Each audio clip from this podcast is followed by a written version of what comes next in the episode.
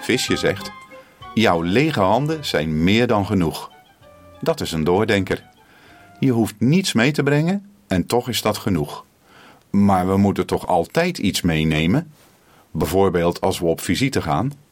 Maar deze lege handen slaan natuurlijk op de tekst in de Bijbel in Romeinen 3, vers 23 en 24, waar staat: Iedereen heeft gezondigd en ontbeert de nabijheid van God, en iedereen wordt uit genade, die niets kost, door God als een rechtvaardige aangenomen, omdat Hij ons door Christus Jezus heeft verlost.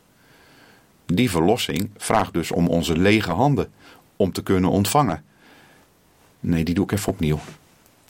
Die verlossing vraagt dus om onze lege handen, om te kunnen ontvangen. Ja, visje heeft gelijk. Jouw lege handen zijn meer dan genoeg.